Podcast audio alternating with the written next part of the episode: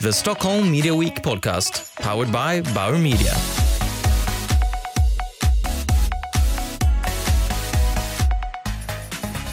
Hej och välkommen till Stockholm Media Weeks podcast som presenteras av Bauer Media. Mitt namn är Martin Hugosson och jag är VD på Maxus Communications. Under två dagar kommer jag tillsammans med mediebyråkollegor att träffa inspirerande gäster på Stockholm Media Week.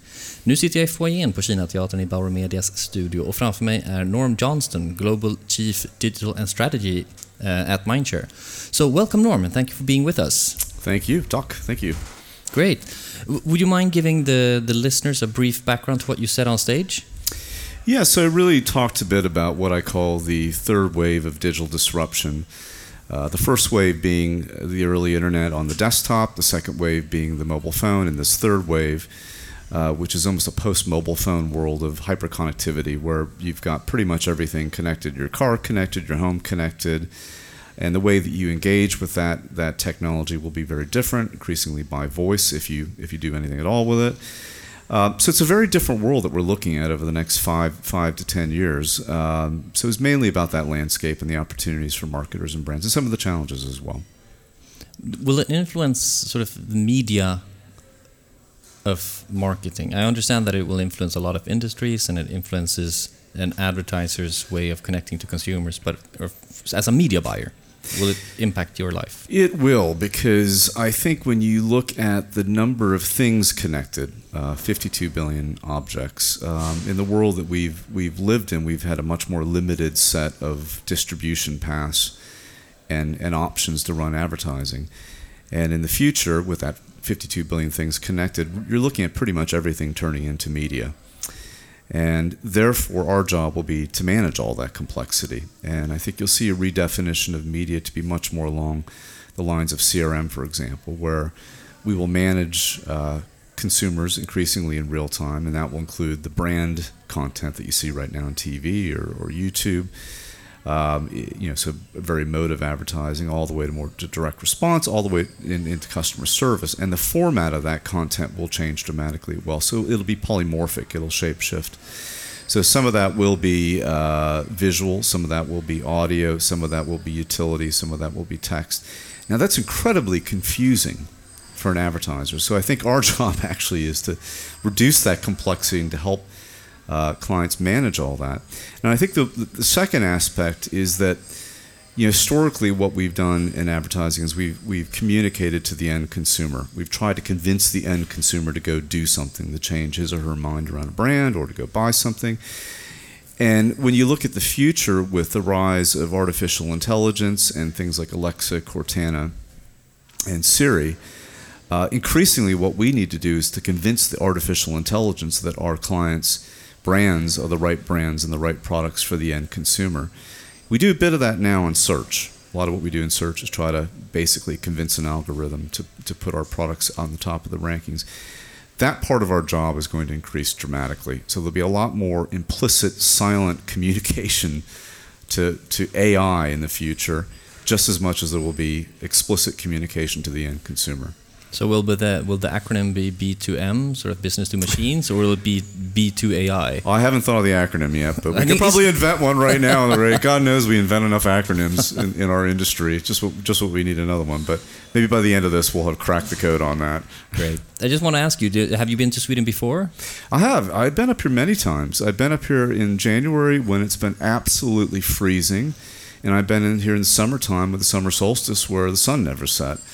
And uh, I always love coming up here because it's a very sophisticated market. So it's one of the handful of markets when I when I go there, I always learn something.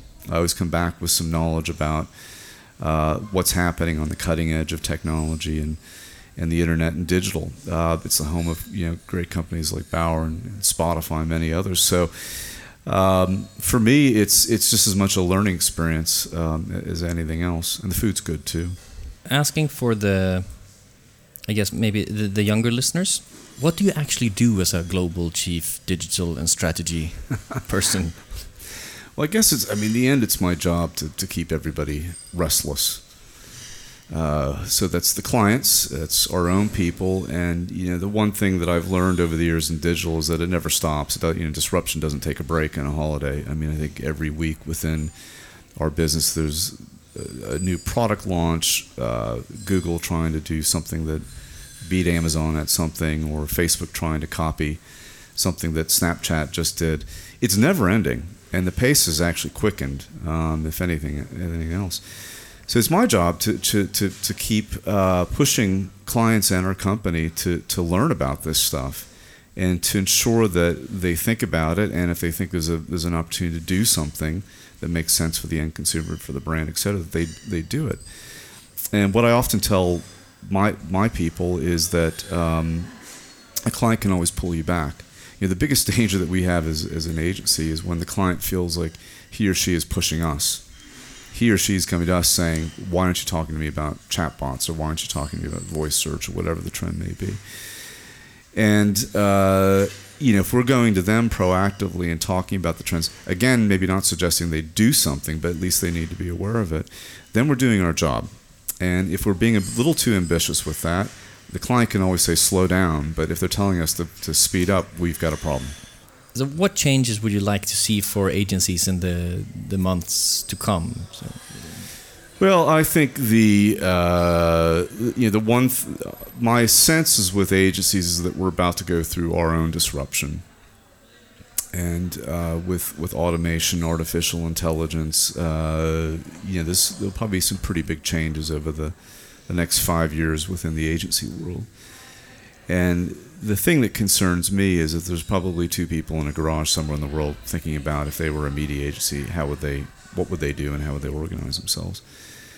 So we have to adapt and practice what we preach, which is get into that mentality. If we had to rip everything up, how would we structure ourselves? What would we do? How would we tap into artificial intelligence? And you know, the worry that I have with the industry as a whole is that we're not quick enough to respond to those sorts of things. And I look at the competitive landscape with you know the, the, consulting firms jumping into advertising. There's a lot of and what Google's up to, a bit of a front of me. You know, there's a lot of different uh, potential threats out there, so we just can't rest on our laurels. Uh, do you have any campaign or project that you're extra proud of that you think is known to people in Sweden? Well, I don't know what what uh, or something that's we, impressed you. Well, uh, one one thing that we did recently was we did an Alexa skill. So Mindshare is one of only 20 agencies that, uh, that is a certified Alexa skill developer, which you wouldn't assume would happen from a media agency. We've got a team of uh, people in New York that specialize in that, and we've just launched a skill for Hellmann's mayonnaise, which is a Unilever product for recipes. And I'm particularly proud of that because I just think it's great, and we're really uh, exploring voice, uh, voice search, voice uh, utilities and apps, um, voice interaction. How do we better measure that? So that to me is just one small example of something that we've done that I think is is uh, a proactive, uh, you know, attempt to sort of explore that area. Sorry, is the product matching my questions to recipes? Yeah. So basically, you tell it, you tell Alexa what you have in your fridge. Okay. And she and she she will come back and tell you um, the different, different recipe options that you've got okay. based on that the, that food. So it's a bit of it's a nice example, a bit of artificial intelligence, mm-hmm. use of voice interaction, a utility, and I guess that would be one other thing that I you know I think we as industry need to get our arms around, which is there's still a lot of crap advertising. I mean, it's really extraordinary how we've gone through the desktop internet experience with, with pop up ads, and somehow we think this is a brilliant idea on mobile phones. I mean, it, it's even more annoying on mobile phones. And uh, we're our own worst enemy. So people wonder why ad blocking is, you know, there's 300 million ad blockers out there, maybe even 4 million, 400 million at this stage with a double digit growth rate. It's because we annoy them. And I think as an industry, we've got to get a lot better of not spending money with uh, with publishers and platforms that that encourage those sorts of sloppy, bad, interruptive, annoying advertising formats. Uh, so that to me is still remains a huge challenge for us. Yeah, so going back to, to the product, I'm just fascinated. Does it have a memory or does it learn what you like, what type of recipes you, yeah. you choose? So Alexa has a memory, so she'll remember what, what historical products you've liked, what recipes uh, you've liked. Uh, it is amazing when you when you start to interact with Alexa. I don't know how many people have used have Echo because I don't think they sell them yet in Sweden. But it is every once in a while you get a piece of technology that comes along that is it's a game changer. You just think, oh my God, this is great. I can't imagine life without it. And I brought uh, an Echo back, and my wife thought, oh God, what's he brought back now? Because I'm constantly coming back with all these little gadgets, as you can imagine. And, you know, a lot of cases they are crap, they're not very good. But with Alexa, you know, within a week, she fell in love with it. The kids fell in love with it. And it's got such versatility of things that you can do. You can ask for the weather, you can use it as a, a timer in the kitchen because you, your hands are dirty. You need to set the timer for 15 minutes. You can ask Alexa to go ahead and do that. You can order an Uber. You can order a pizza. You can buy stuff on Amazon. So you don't have to get on your computer or your phone. You can just simply tell Alexa to go ahead and buy things for you. You can get cooking recipes with the skills uh, that are out there. I'm thinking of one thing that Yeah. the um, sort of usage of of these type of products obviously is to use it for search if you're as a media owner at least. So basically google. So when you do a search today on mobile or desktop you will get uh, a few uh, paid and a few editorial options. And you make your manual check of which one does reflect what i need the most. But when it comes to uh, voice and sound adaptation to search, you don't want three paid and then a few other. You will have to limit that to one. Do you think that that will hurt the integrity for search? Well, I think it's an existential threat to Google. Uh, when you look at uh, eight eight million units that we know of of Echo sold, they control seventy percent of the voice speaker market. Google was late to the day with with Home, so they're twenty three percent of the voice speaker market. And the existential threat comes from the fact that Amazon doesn't need to monetize search. They don't really care about that. They don't care about selling ads. They just want to give you a great recommendation and and in many cases hopefully that you buy that through through Amazon. So their whole intent is to drive purchase through Amazon. And Google Google's got a real issue because over 90% of their, their revenue comes from advertising. So all the other stuff that you hear about, Nest and autonomous cars, doesn't make any money for them. And it's a very small part of their business, yet it's the part obviously that they're enamored by and they would love to do more. So when you see the transition from desktop search into mobile search, they have really struggled with that because there's less real estate on a mobile phone to sell ads. And they're only now hitting that tipping point where there's so many, the volume in mobile searches has hit such a point that's making up for that limited real estate. Uh, so imagine voice search comes along. How do, how do they, and you know, I've asked them this question directly and I haven't got an answer back around how they're going to monetize it. I've asked the same to, to Amazon and uh, they're not as bothered by it. Uh, but it is it is a real threat to their business, and then so that that's the search part. Then you look at video, and you look at Amazon Prime. Again, they don't need to sell ads on Amazon Prime. Uh, they just want you to because they know if you sign up for Prime, you get all the music, you get all the videos. Uh, you know, you're you're seventy percent higher probability of buying stuff on Amazon. So for them, it's just a means to get you to buy more on Amazon. Well, Google's got YouTube. They need to sell ads. so, and obviously, there's been some question marks over the level of content on YouTube versus the five billion dollars Amazon's spending on Prime content and original programming. So, I think Google has, for the first time, a significant challenger, both within the video and the search space, coming from Amazon, who have extraordinarily deep pockets. Their their market cap is now twice the size of Walmart. They're huge. Yeah. They've got they they're willing to spend what they have to spend to challenge uh, Google. Uh, interesting. I, I got a question here for you. Um, so, how global can a brand strategy be, given local differences in media, consumer, and marketplace? Well, I, I don't think it's a binary answer. I think it depends on the category and the history and the equity. You know, if you've made acquisitions, the equity the, the, the brand has locally. So I, I'm, I'm reluctant to kind of give a pithy two-minute answer to that because it's it's deserving a lot more analysis. But you know, I think if anything, uh, the Googles and the Amazons of the world have you know prove that you can create a strong global brand, and I think the know, the two things I would think about. One is the the underlying support structure for a global brand. And when clients think about how they need to compete and how they need to get the data that will enable them to c- compete against the you know these data heavy asset light competitors like Uber who you know they don't own anything. They just own a lot of data. And when you're up against those sorts of companies um, and you're looking at data then then I think you do need to think about the global support behind a, that global brand or the portfolio brands that you've that you've got you don't need 70 different D- DMPs and you don't need a bunch of disparate data silos all over the place. So that would be the one thing. And the second thing I think is that you know once you have that kind of strategy in place from a marketing and a data, data perspective, what I found every single time is that there's only so much you can do centrally. I mean, people in the UK are not going to understand what's happening in Sweden culturally and the need to respond quickly and agilely to issues that a brand may have, opportunities that the brand may have to, to support a cause locally, or whatever the reaction is that they need to do locally. Uh, it's very hard to do that from far away. So to me, it's it's it, you know the, the brand itself and how you approach that. There are a lot of variables around that. Um, it's more around how do you operationalize and support that from a marketing perspective, where I do think there is some pretty uh, clear learning that we've got. Uh, and jumping to another subject, how important do you think it is for a media agency to have a strategic process? I th- well, I think it's in, it's in very uh, you know for us it's very important because a lot of our uh, the global clients that we work with, you know, the, the Nikes and the Unilevers and uh, HSBCs, and you know, they, they look to us as almost a shadow organization to their own company.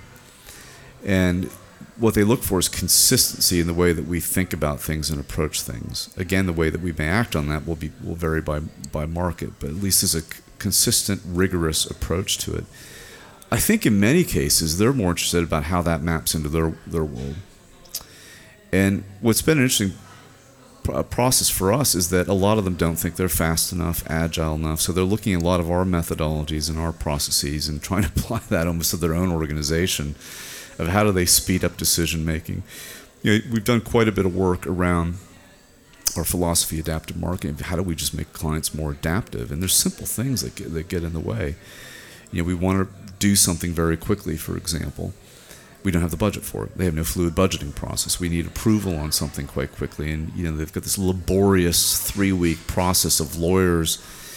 We have a one, of the rules that we've set up, um, the, the guardrails that we've set up with one of our clients is that when we, we have to send an email out to get an approval to take an action, we've got a list of people that are recipients to that. If we do not hear back from any of them within 24 hours, we then have the approval to move forward. So they've just said, look, we're the blockage, we're the barrier, we need to get out of the way.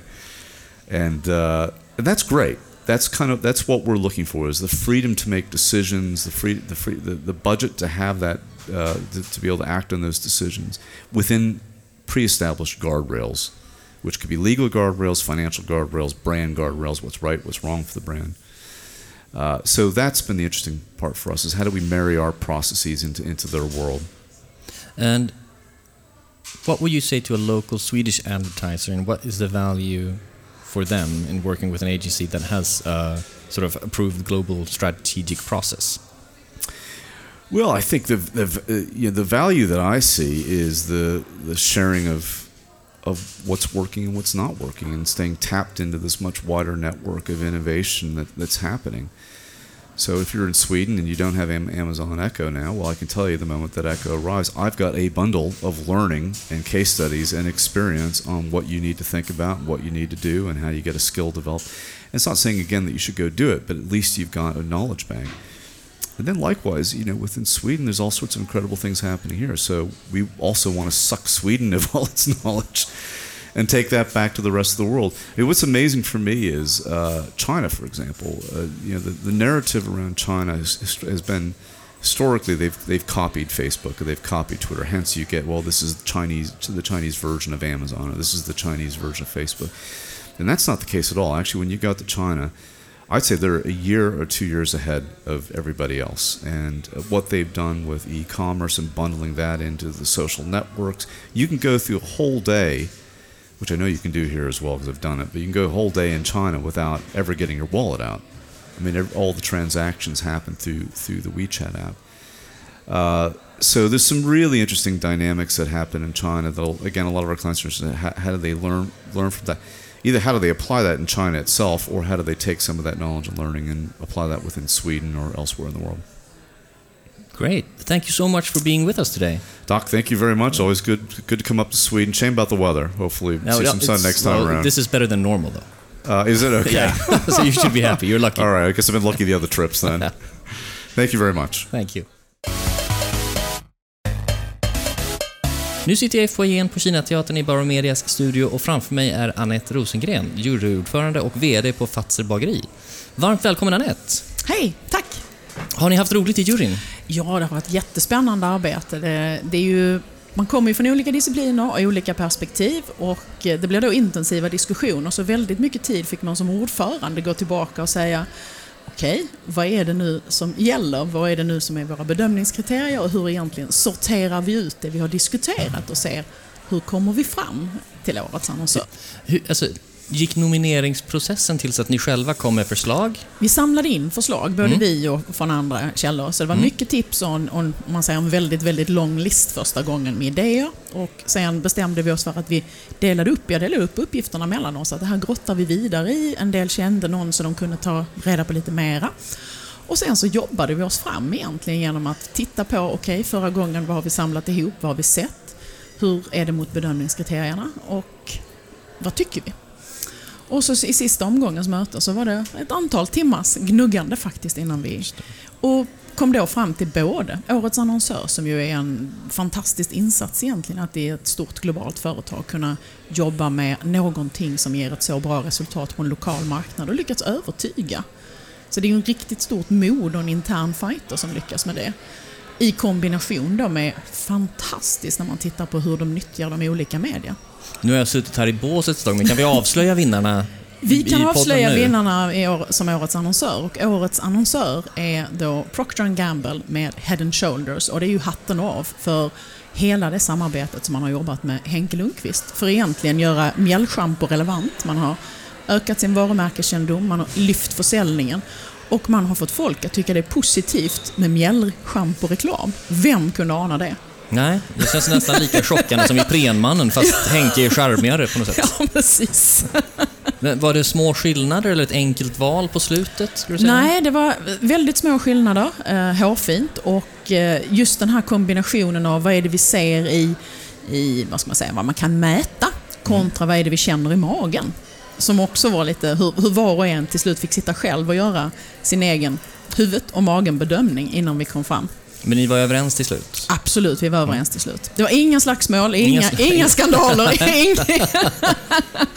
det handlar väl om att processen fram var vi inte eniga i, men när vi, när vi stod med slut, slutvinnare så var vi väldigt eniga. Ja, vad skönt.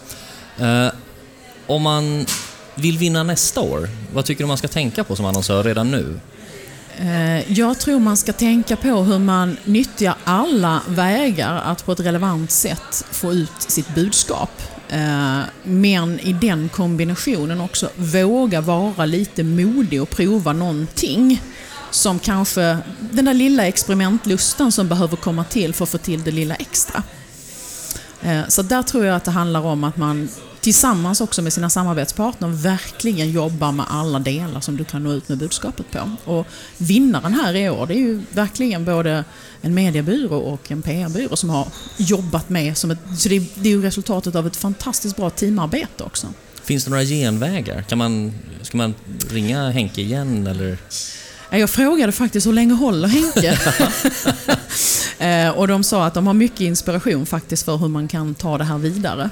Eh, Så att, eh, jag tror att Henke håller ett tag till bara han håller sig på isen. Ja, men jag tänkte att så här, Volvo använde ju Zlatan för Ja. Mm. ett eller två år sedan och fick mycket priser och uppmärksamhet för det och det var Van Damme året innan Ja, och så och Henke man, man kan egentligen titta på, om man tittar jämför med Volvo, så använder Volvo många olika röster som budskapsbärare i sitt sätt att ta ut det. Medan ju Head and Shoulders och Procter Gamble här under en längre tid har hållit fast vid Henke och byggt vidare. Och de sa faktiskt här på scen också att han är, han är väldigt duktig själv på att bidra till hur man kan fortsätta utveckla det. Och det, tyckte jag lät lite spännande, så att, eh, det skulle jag själv personligen vilja veta mer om. Blev du inspirerad att själv eh, hitta någon sån ambassadör för Fatser bröd? Eh, Jag skulle säga att det vi håller på med i brödbranschen eh, kanske behöver en annan typ av ambassadörer. där såklart. vi egentligen pratar om, eh, jag skulle säga, jag tycker i vårt fall så kanske dietister, väldigt många människor undviker att äta bröd för de är rädda för att äta kolhydrater. Och det finns ju goda och mindre goda kolhydrater och jag tror att våra talespersoner kanske mer ska se till så att folk tycker det är gott att äta bröd igen och inte är rädd för att äta bröd utan att det är ganska nyttiga kolhydrater. Har du något tips till nästa års jury med den erfarenheten du har nu? Eh, tänk brett från början, men använd ledstången egentligen vad som är utgångspunkten. För när man tänker brett kommer det mycket idéer och sen gäller det att sortera ner det. Och det tar sin lilla tid. Jag uppfattar att det är vanligare att man vinner den här typen av priser och nomineringar oavsett om det är Årets annonsör eller Årets kampanj. Om man har en ganska stark TV-copy eller TV-film, reklamfilm som har gått. Och årets inspiratör, Adidas och deras samarbete med Football Addicts, eller Adidas Football ska jag säga. Där har det ju inte funnits någon TV överhuvudtaget. Och det tycker jag är, det var så helt mobilt och det tycker jag var jätteintressant. Sen när vi satt och jobbade i juryn med, ska det här vara årets annonsör, så hittade vi saker som vi såg hur man skulle kunna ta ut det mycket bättre. Så jag tror inte det är om det är TV eller inte, utan jag tror det är att det budskap du vill ha ut, den konsument du vill engagera, var finns den? Och så länge det finns någon framför TVn så är TVn ett val. Eh, och i det sammanhanget då så tror jag det är viktigare att liksom tänka på var har jag mina konsumenter? Och det kan jag säga när man tittar på det här arbetet så blir vi ju duktigare och duktigare på att jobba med målgruppsanalyser, tycker jag, för att vi kan vara spetsigare. Mm. Även om det är, såklart är helheten ni bedömer, ser du att det finns några element i den som gör att det blir mer spännande i år och kanske nästa år? Är VR någonting som man får, skulle få en guldstjärna eller bonuspoäng för? Eh, jag tror ju att, att man vågar experimentera. Det är ju sånt som, som liksom sätter upp att man vågar innovera och, och prova. Det är ju sånt som ger liksom pluspoäng eller guldstjärnor. Men det är ju också resultatet som räknas, att man verkligen kan säga att det ger en effekt. Det vill säga om det är varumärkesbyggande, ren skär försäljningsresultat eller en beteendeförändring hos konsumenter. Så att till syvende och sist så handlar det om att det ska inte bara vara experimentellt utan det ska ju uppnå det mål man har satt upp för vad man vill uppnå.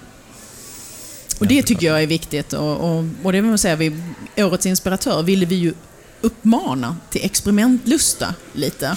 Men när man experimenterar så är det ju inte alltid man kan uppfylla sina mål. I det här fallet så har ju då Adidas Football Addicts faktiskt lyckats uppfylla sina mål och kommit väldigt långt på sin resa.